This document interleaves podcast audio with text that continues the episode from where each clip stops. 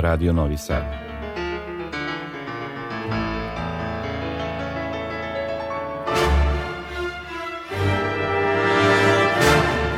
Domaća muzička scena.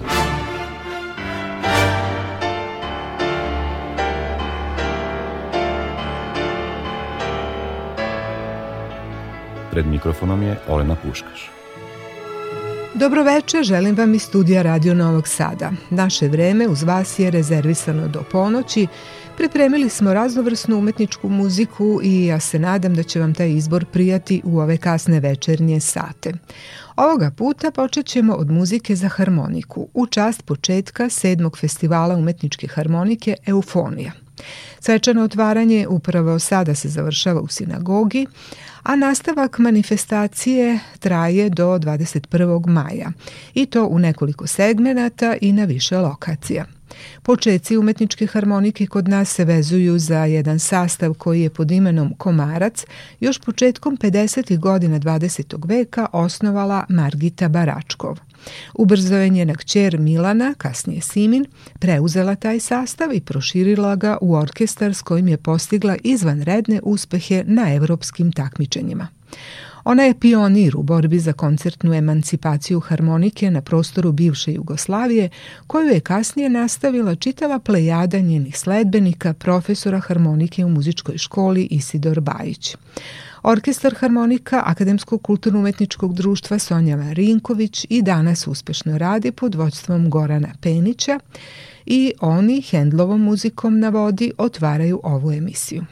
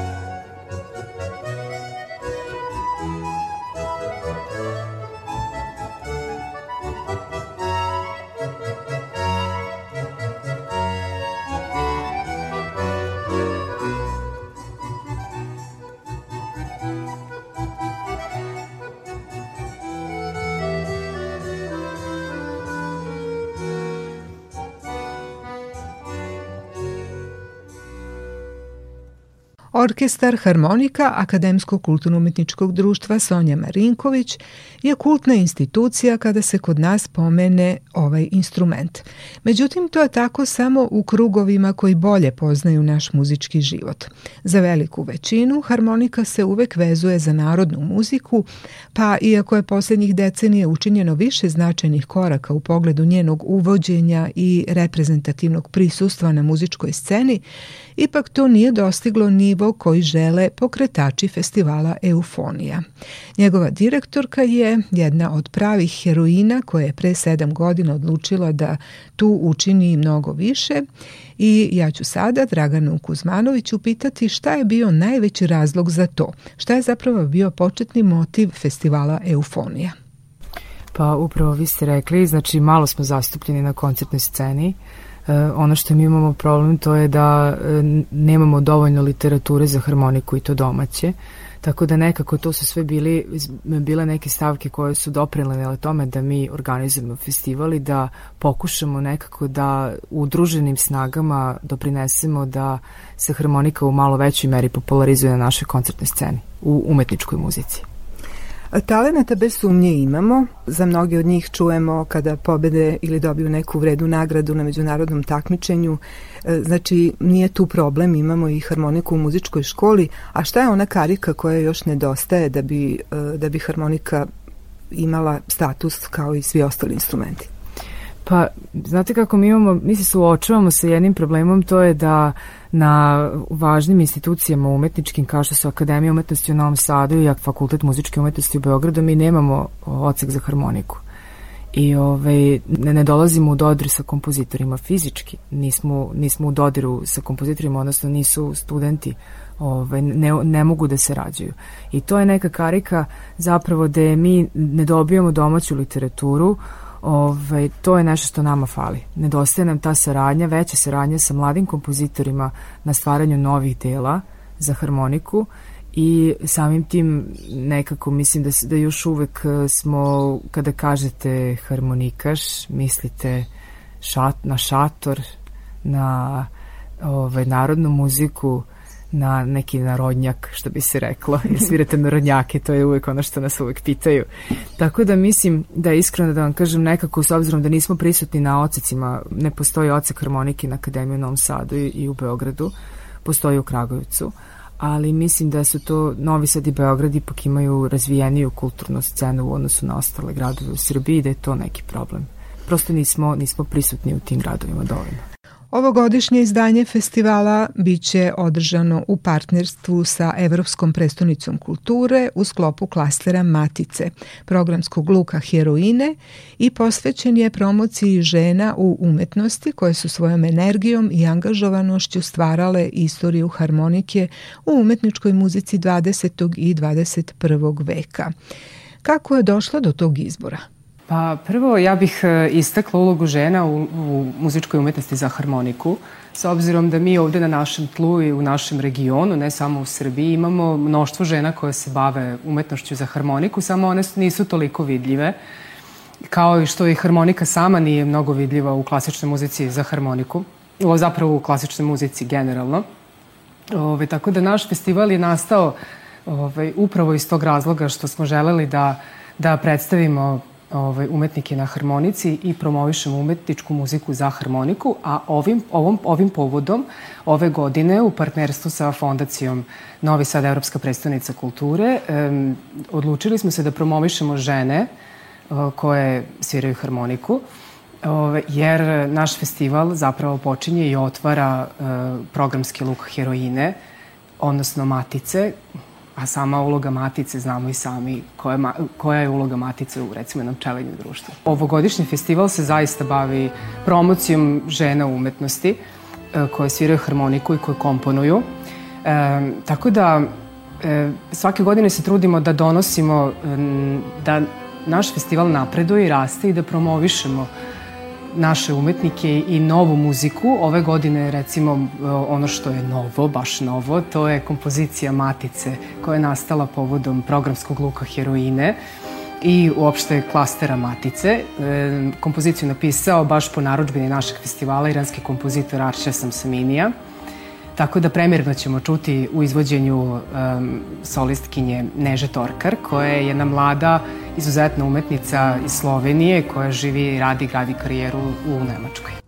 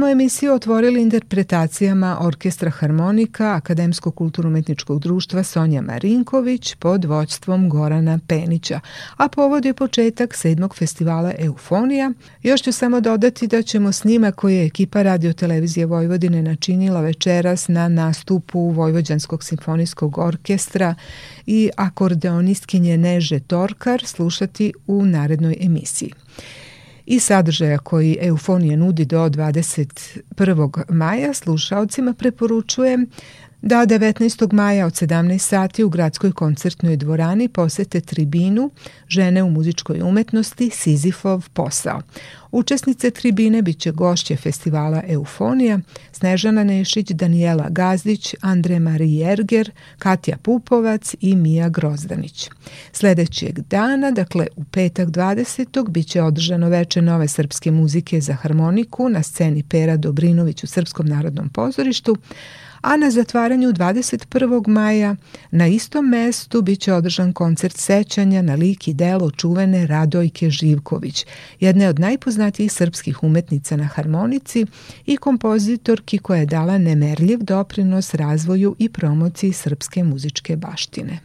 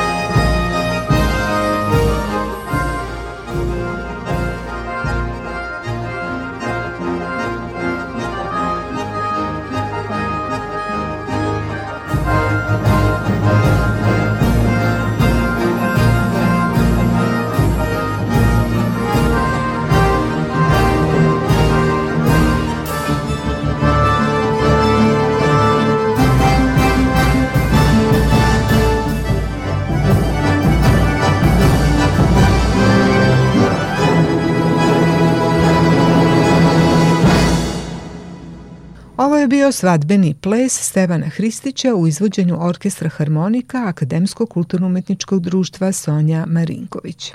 Kao što sam malo pre rekla, otvaranjem festivala Eufonija započeo je i programski luk heroine u našem gradu, Evropskoj predstavnici kulture 2022. Sledeći koncert u tom nizu manifestacija koje obuhvataju taj luk nazvan je pod sjajem zvezde, a ta zvezda je Melanija Bugarinović, operska diva 20. veka koja je sa svojom čerkom Mirjanom Kalinović-Kalin osnovala fond za unapređenje vokalne umetnosti mladih. Stipendije iz ovog fonda već više decenija dobijaju oni najbolji koji uče i studiraju u Vojvodini – a četvoro iz različitih generacija nastupit će na ovom koncertu 20. maja u sinagogi uz Vojvođanski simfonijski orkestar pod upravom Andreasa Solinasa. To su Radoslava Vorgić Žuržovan, Jelena Končar, Ermin Ašćirić i Strahinja Đokić. Kako organizatori kažu, Ovaj jedinstveni koncert je posvećen najfinijem muzičkom instrumentu, glasu, odnosno vokalnom umeću, a na programu su arije i instrumentalni odlomci iz opera. Uz ovu informaciju sada ću nadovezati jedno kod nas redko izvođeno divno delo za sopran i orkestar. To su pesme Matilde Wezendonck Richarda Wagnera. Snima koji ćemo čuti načinjen je 2020. na festivalu Nomus, a uz muziku čućete i ponešto o delu od dirigenta Vojvođanskog simfonijskog orkestra Aleksandra Markovića, a takođe predstavit će se i solistkinje iz Rusije Svetlana Aksenova.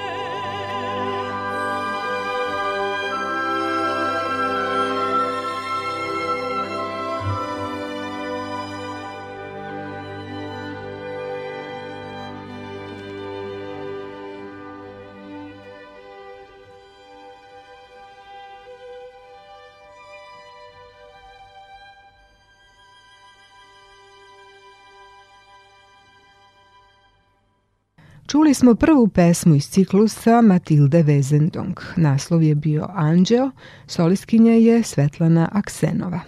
Dirigenta Aleksandra Markovića upitali smo da li je istina da je povezanost Wagnera i Matilde Vezendong bila dublja od prijateljske. Istina, ja mislim da nema sumnje da, da, da nešto postalo između Matilde i Richarda u tom momentu, zbog toga što je naboj e, koji, koji proizilazi iz njihovih pisama vrlo sugestivan i uopšte, znači, e, sad, s obzirom na to šta je proizašlo, pored pesama takođe Tristan Izolda, koja je možda opera koja se najviše bavi tematikom beznadežne ljubavi. Odražava u stvari do koje mere su njih dvoje bili emotivno vezani. I na koji način je ona na, na njega kao muzan delovala i njegovo finalno pismo njoj, gde se oni rastaju, na neki način ima jednu e, besmrtnost tog osjećanja i te veze, koja je za njega predstavljala u stvari veliku inspiraciju. Mislim, ruku na srce, taj, ti tekstovi Maltildini nisu možda najlepša poezija moguća, ima relativno nespretnih, nespretnih momenta, um, ali je muzika koja je za to napisana potpuno neverovatna. I, I atmosfera svake pesme je, je predivna. Meni je Snovi, Trojme, poslednja pesma, to je nešto možda najlepše što čovek može da doživi na, ili kao član publike ili na podijumu, taj početak, ta artikulacija, ta pulsacija koja je, ja sam rekao orkestru, nemojte to svirati previše, previše jasno i artikulisano, nego napravite takvu boju da to je jedna, jedna eterična pulsacija, su to snovi, to je nešto što nije konkretno i nije solidno. Mnogo, mnogo, mnogo lepo i mnogo maštovito urađeno. Samo je ta pesma orkestrirana s njegove strane, ostala je uradio Felix Mottl. Postoji još kasnija orkestracija koju je radio Hencel, opet ona malo nekako menja isto duh kompozicije ili je za drugačiji tip orkestra napisana i drugačije boji tu muziku.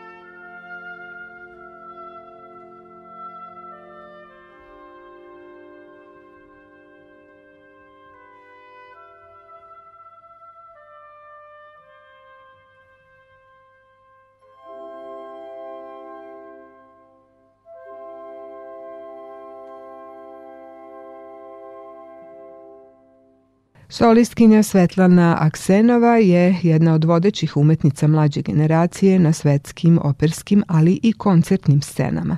Evo što je za radio televiziju Vojvodine rekla o usavršavanju za koncertno pevanje u Švajcarskoj. Моя специализация там в Базеле была направлена именно на то, чтобы петь Moja specijalizacija u Bazelu je bila usmerena na koncertno pevanje, na pevanje lida, romansi, na francuskom i nemačkom jeziku. Akcenat je bio više na oratorijumu. Ja sam tamo došla iz Milana, gde sam studirala prvo u Sankt Peterburgu, a zatim u Milanu, gde sam učila kod Mirele Freni, Renate Scotto i tako velikih zvezda. Kada sam došla u Bazel i zapevala, rekli su mi – Izvinite, a čemu mi možemo da vas naučimo kad već tako mnogo znate? I nisu me primili na akademiju. Sledeće godine ponovo sam se prijavila i rekla da želim koncertnu diplomu i tada su me primili. Koncertni diplom делать, i тогда меня взяли.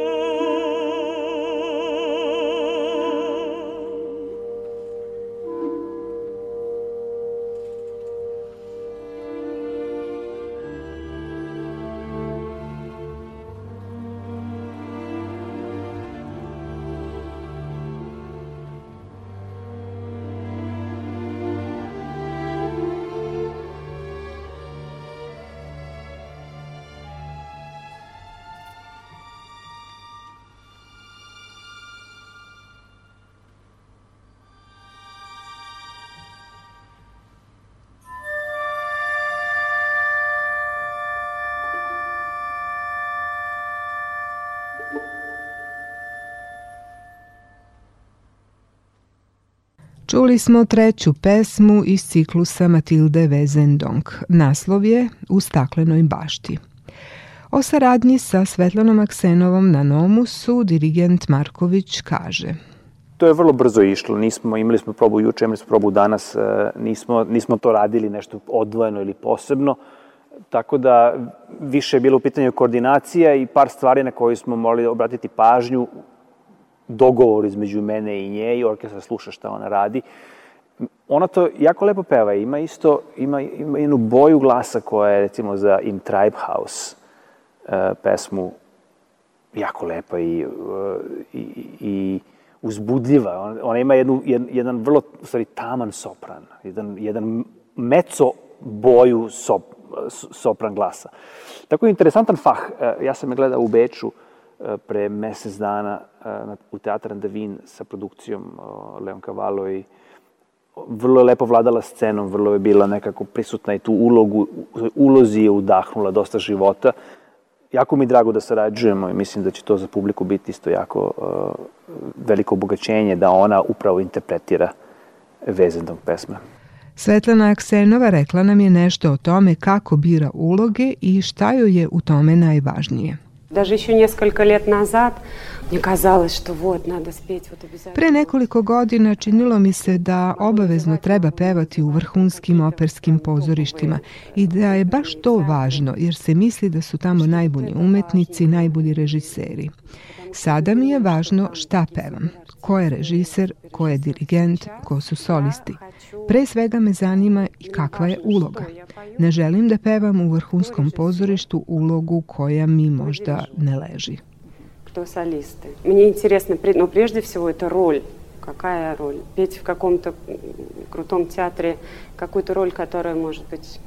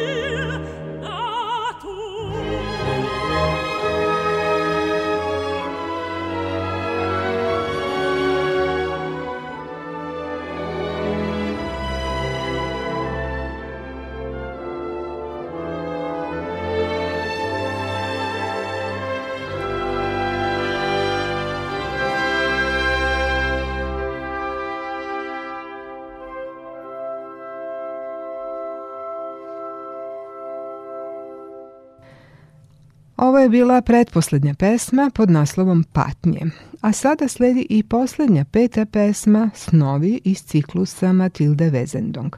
Da podsjetim, jedino je za nju Wagner lično napisao orkestraciju i ona je zaista kruna ovog neobičnog Wagnerovog dela. Pre nego što je čujemo, dirigent Marković će nam otkriti kako je pri formiranju svog dirigentskog stila negovao svoju izrazitu naklonost ka nemačkom repertoaru. Pa ja sam namerno izabrao e, Beč kao destinaciju za studije. I ne bih rekao da sam se samo usavršavao, već sam tamo izradio zanat skroz. Usavršavanje možda je bilo onda kasnije na master klasama u Italiji, ali, ali ja sam zaista, znači, dirigovanje počeo tamo da studiram i završio. To je, to je studije, studije su trajale šest godina. Um, namerno sam izabrao prvo što sam, što jako, jako sam, um, jako mi je blizak nemački repertoar, uvek sam bio, bio, bio jako vezan za nemački repertoar, bilo mi bitno da naučim jezik i onda u isto vreme mi je bilo bitno da, pošto sam znao da imam afinitet ka slovenskim kompozitorima, da ih razumem, da mogu da ih nekako sa pravom interpretiram, jer, jer se osjećam bliz, blizu te muzike, hteo sam na neki način da ostvarim jednu vrstu licence za, za nemački repertoar, zato sam izabrao to, da bi naučio sada iz prve ruke kako se u Beču izvodi Schubert, Mozart, kako se izvodi Haydn, Beethoven, Bruckner, da dobijem osjećaj za to jednu vrstu stvari, kao da, da znam i da mogu da kažem ja to znam kako da radim. Jesam tu na izvoru gde je ta muzika nastala studirao. Nisam učio to na, ne znam, negde na vrhu Kanade, nego sam to učio baš tu i bio ne znam, ja uvek e, govorim koliko je, koliko je bitno kad čovjek doživi momente kad, se, kad ode na, na grob velikog kompozitora, kad ode u njegovu rodnu kuću, kad ode tamo gde je on odrastao ili gde je učio ili gde se razvijao ili gde je napisao određene kompozicije, da upije atmosferu onoga i energiju koju to okruženje nosi, da bi to onda nadogradilo njegovo tehničko razumevanje te kompozicije, ono što je kao interpretator zaključio u svoju, što je naučio kako da to dekodira i interpretira, a onda uzme, uzme tu kompoziciju i onda je još produbi u stvari osjećajem za gde je ona nastala, u koje vreme je nastala, u kakvom prostoru je nastala, pod kakvim, u kakvom mentalnom stanju je nastala. I to je bitno iskusiti tamo gde je to komponovano i. Znači nije samo sad ja preuzimam interpretaciju, već ja dolazim do interpretacije raznim putevima. Preko partiture, naravno, pre svega onda, preko poznavanja stila, preko poznavanja konteksta, preko poznavanja motivacije, šta je kompozitor, kako je živeo, šta ga je u tom momentu e, pokretalo da tako nešto napiše. I onda na kraju krajeva gde je to nastalo, šta, koje su bile socijalno-političke E, situacije vezane za taj događaj. Jako mnogo tu detalja i slojeva postoji koji definišu zašto je na kompoziciji, znači koje je njen sadržaj.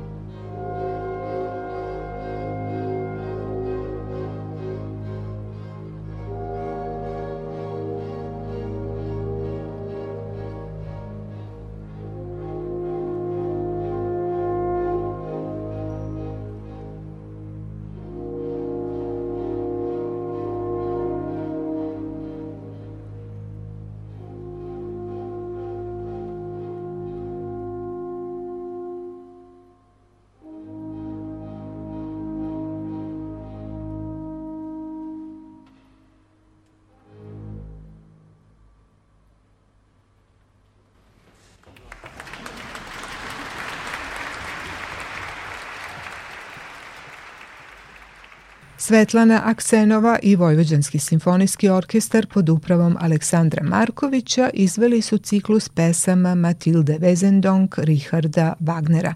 Snimak je napravljen oktobra 2020. na završnoj večeri festivala Nomus.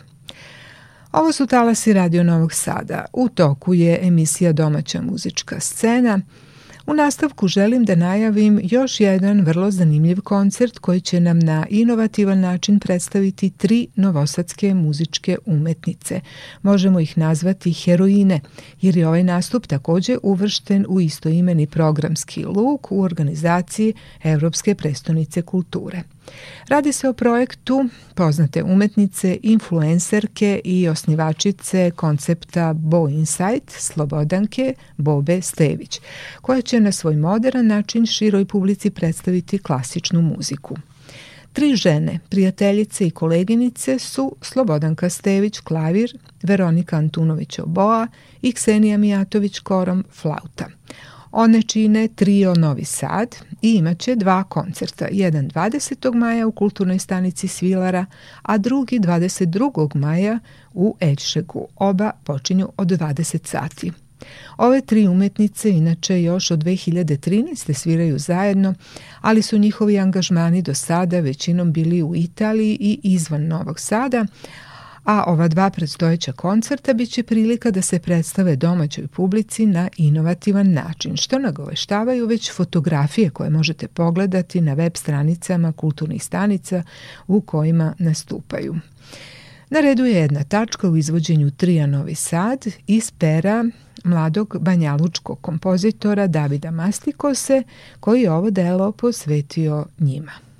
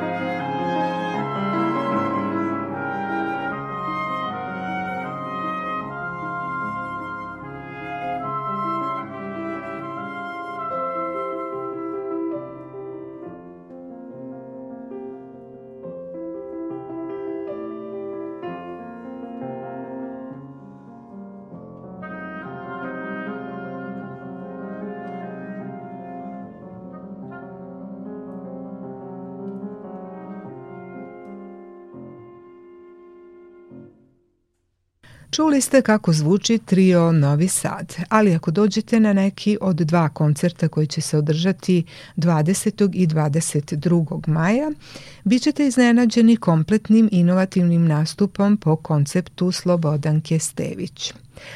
A koliko su žene maštovite i vredne, govori već i ovaj niz koncerata iz programskog luka Heroine, u kom se nalaze i četiri dame iz gudačkog kvarteta Taj. Ova 2022. za njih je posebna jer slave 25 godina zajedničkog rada, na što su posebno ponosne jer na ovim prostorima ni jedan kamerni sastav nije delovao u kontinuitetu toliki period u originalnom sastavu.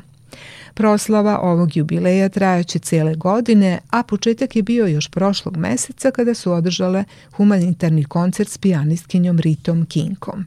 Sledeći je na redu koncert pod nazivom Voces intime, na kom će uz kvartet nastupiti naša operska solistkinja, mecosopran Jelena Končar. Mesto održavanja je kulturna stanica Svilara, datum je subota 21. maj od 20 sati. Projekat Voces Intime je taj kvartet započeo u septembru 2021. raspisivanjem javnog poziva za mlade kompozitore.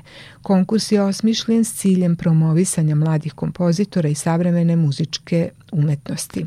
Na javni konkurs pristigla su dela sledećih kandidata Stefan Jančić, Ljubomir Milanović, Marko Dulić i Jana Kitić, a žiri je odlučio da je najbolja kompozicija Marka Dulića i ona će u subotu biti premijerno izvedena. Osim te kompozicije, na programu je i gudački kvartet Giuseppe Verdija i kompozicija Il Tramonto, One svedoče o dubokoj povezanosti kvarteta taj sa operskom muzikom.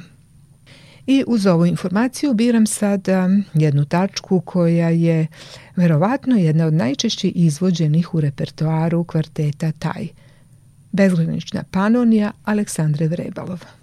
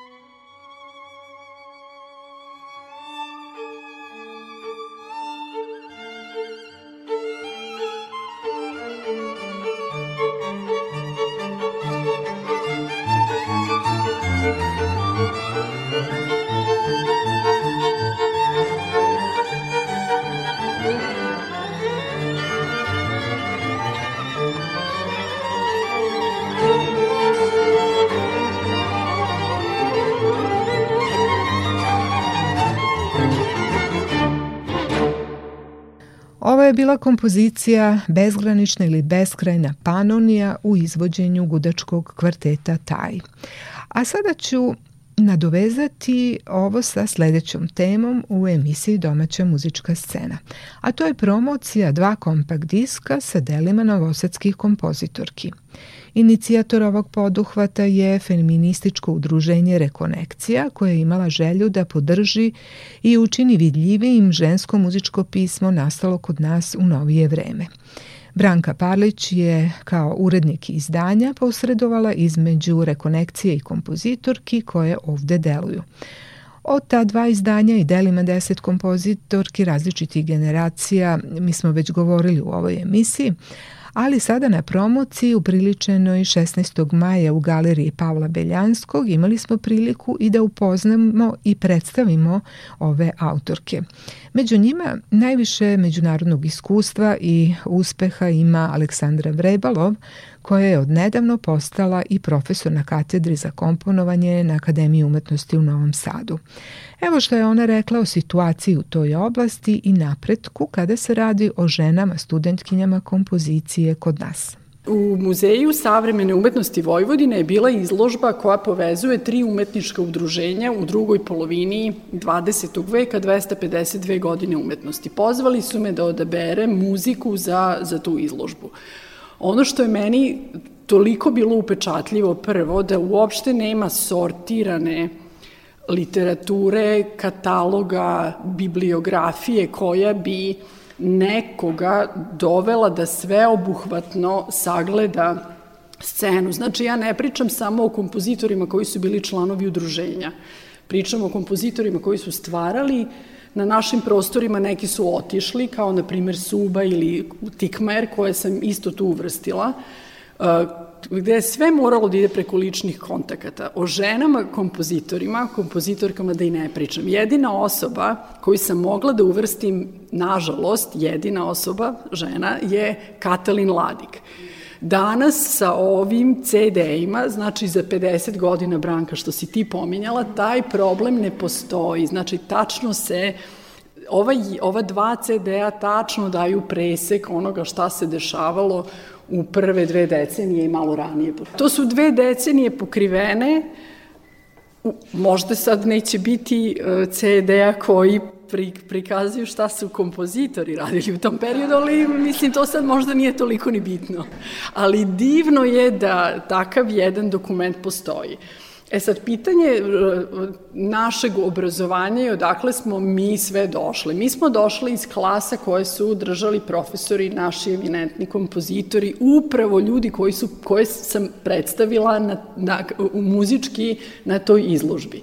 I svi naši uzori, ne samo u našem neposrednom okruženju, svi naši uzori kroz istoriju sa fotografija i slika iz učbenika su bili kompozitori. Znači, to su potpuno identitetski definisane osobe koje u tu jednu važnu osnovu identiteta nemaju sa nama zajedničku. Ja sam o tome dosta razmišljala u Americi, u stvari prvi put, pošto sam na magistraturu ušla u klasu Elinor Armer, koja sada ima 80 godina i uh, ja recimo nisam ni želela da, da budem kod nje u klasi, zato što je meni to, znači to je ta neka vrsta ženske uh, negativne selekcije koju vrlo redko uh, ko od nas sebi i prizna, a mislim da je jako važno i o tome razmišljati. Znači kako mi iz sobstvene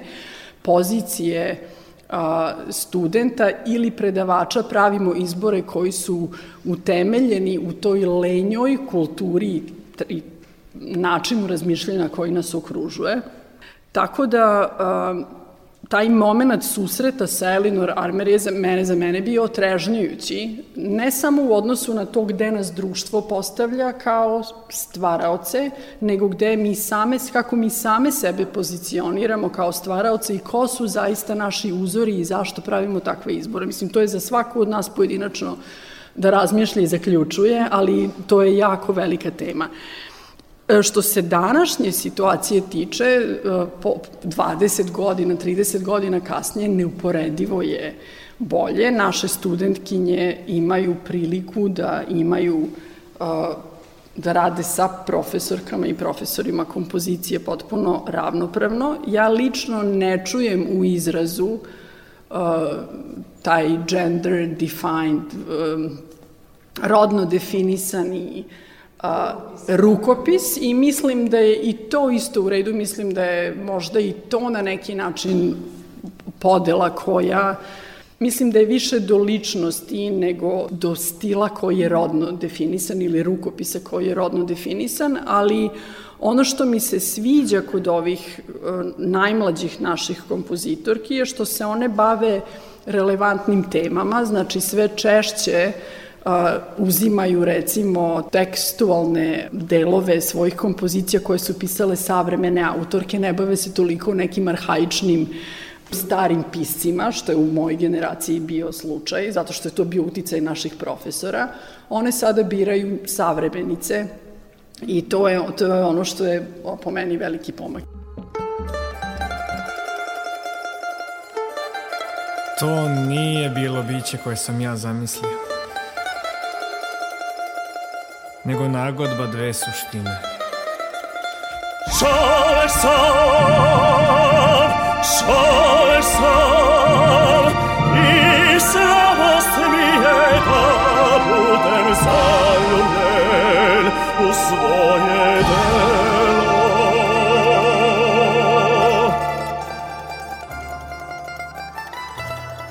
A ipak sam joj kamenom smrskao glavu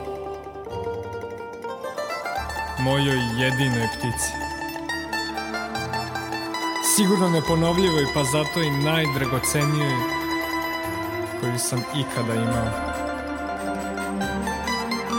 Nebo se oko nje raspalo kao bolestan kristal. Šale sam,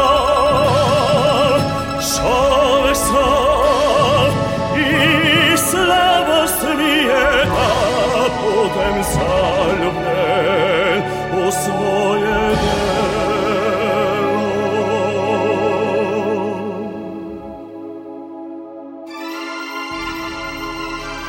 mogu sebi da objasnim zašto sam pomislio da su joj oči besmrtne.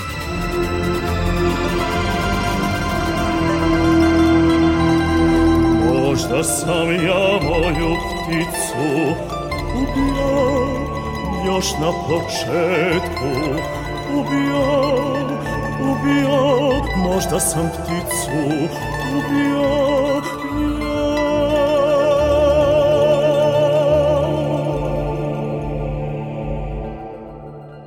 Čuli smo odlomak iz dela Mit o ptici Aleksandre Stepanović za bariton, naratora, bisernicu i elektroniku. Ona je jedna od deset autorki koje su se našle na prvom od dva kompakt diska koji predstavljaju možda ne sasvim kompletnu, ali vrlo realnu i profesionalno oblikovanu sliku ženskog muzičkog stvaralaštva nastalo kod nas u novije vreme.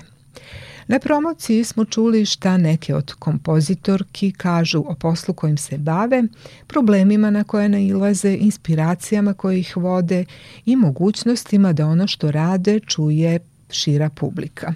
Evo što je Dorotea Vejnović rekla o tome koliko savremeni načini komunikacije olakšavaju pristup i u međunarodne muzičke tokove. Da, mislim da definitivno sad su te granice mnogo, mnogo šire nego ranije.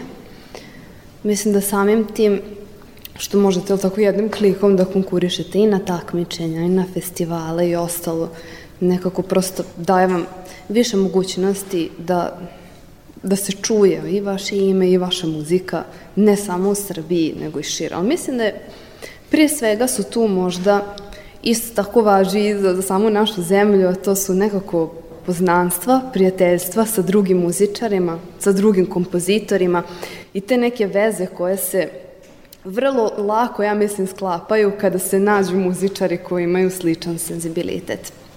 Tako da pre, pre svega mislim da je to i nekako za mene lično Ako neko pita šta je inspiracija za muziku, šta je ono što me pokreće da pišem i da radim, ja mislim da je, da je to upravo saradnja sa drugim ljudima. Ono što je najinteresantnije nekako jeste upoznati drugu osobu, ansambl ili izvođača i onda prosto zajednički kreirati tu muziku. Na, na taj način ja razmišljam. E sada, Recimo, ono što je zanimljivo, to trenutno sarađujem sa e, dve žene koje su u Parizu. One imaju organizaciju koja se bavi promovisanjem baš žena u filmu i u plesu. Tako da to, to je tek nešto što je redko, tako žena kompozitor, da, ali žena režiser, mislim da je to možda još ređe, a onda posle toga i žena koreograf. Tako da imam tu divnu priliku da sarađujem sa njima, da radim muziku za njihov film koji je neki, neka vrsta eksperimentalnog plesnog filma. I, I ta saradnja je isto, mogu da kažem, preko interneta ili preko zajedničkih prijatelja muzičara koji imaju sličan senzibilitet. Tako zaista mislim da sad su nam granice nekako šire i mnogo se lakše sarađuje sa drugima, pa čak i od, od pande, pandemija kako je krenula, sve manje više snimi se, multimedijalno je, opere koje se stvaraju isključivo u sobi, pa se posle projektuju i Recimo, moja kompozicija koja je na CD-u je prva kompozicija koju sam ja napisala kao student. Znači, to je prvo delo e, koje je ikad napisano na akademiji. Ja sam se za njega odlučila Onako sam u sebi sam posvetila moj profesorki klavira, Branki Parlić, pošto me ona je pozvala budem deo tog projekta koja je kompozicija za klavir. Tako da, od tog momenta pa do sad, ja nekako ne prepoznajem tu osobu. I mislim da je to dobro i nekako mi je drago, zato što mislim da svak, nekako što, što duže pišemo i radimo, što smo duže u ovome, bar u mom slučaju volim da nekako uvek krenem iz početka, nekako od, od praznog papira i da dam sebi šansu da uradim nešto novo, nešto drugačije što ranije nisam probala.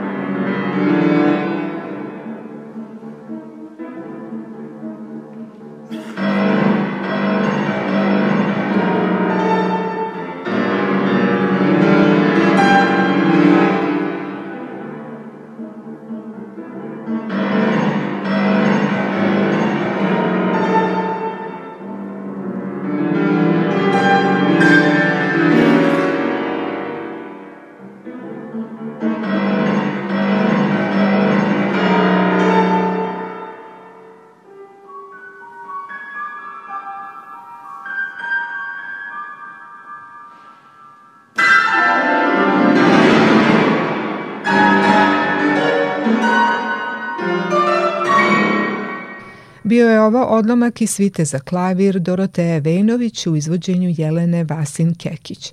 Napominjem da kompakt diskove s delima deset novosadskih kompozitorki možete nabaviti u knjižari Boulevard Books.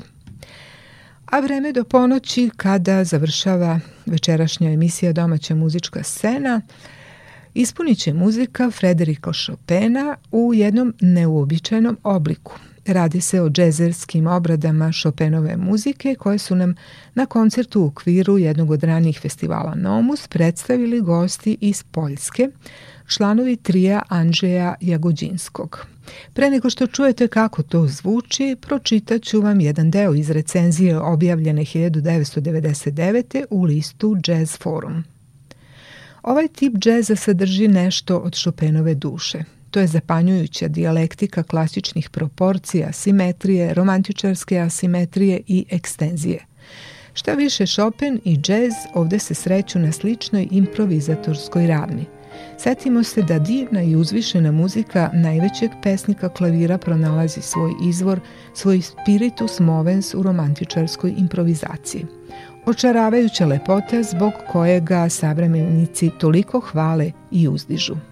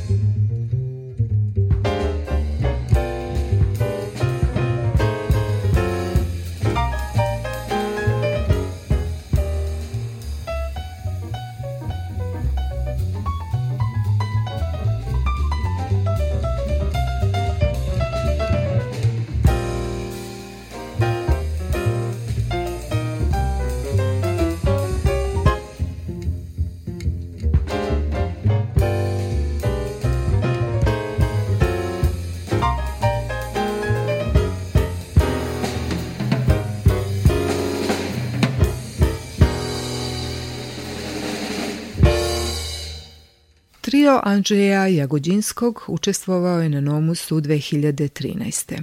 Kako kaže kritičar engleskog časopisa Jazz on CD, Jagodinski i njegove kolege, kontrabasista Adam Cegielski i perkusionista Česlav Bartkovski, kreiraju očaravajuće muzičke komade na sobstveni način, ali takođe sugerišu i nove ili pre stare, odnosno nekadašnje puteve slušanja Chopina. Njihov rad je najzad i vrhunac klavirske muzike i uspostavlja pravu liniju ka Tatumu i Badu Powellu, čak možda i Cecilu Tayloru, Kitu Jarrettu i dalje.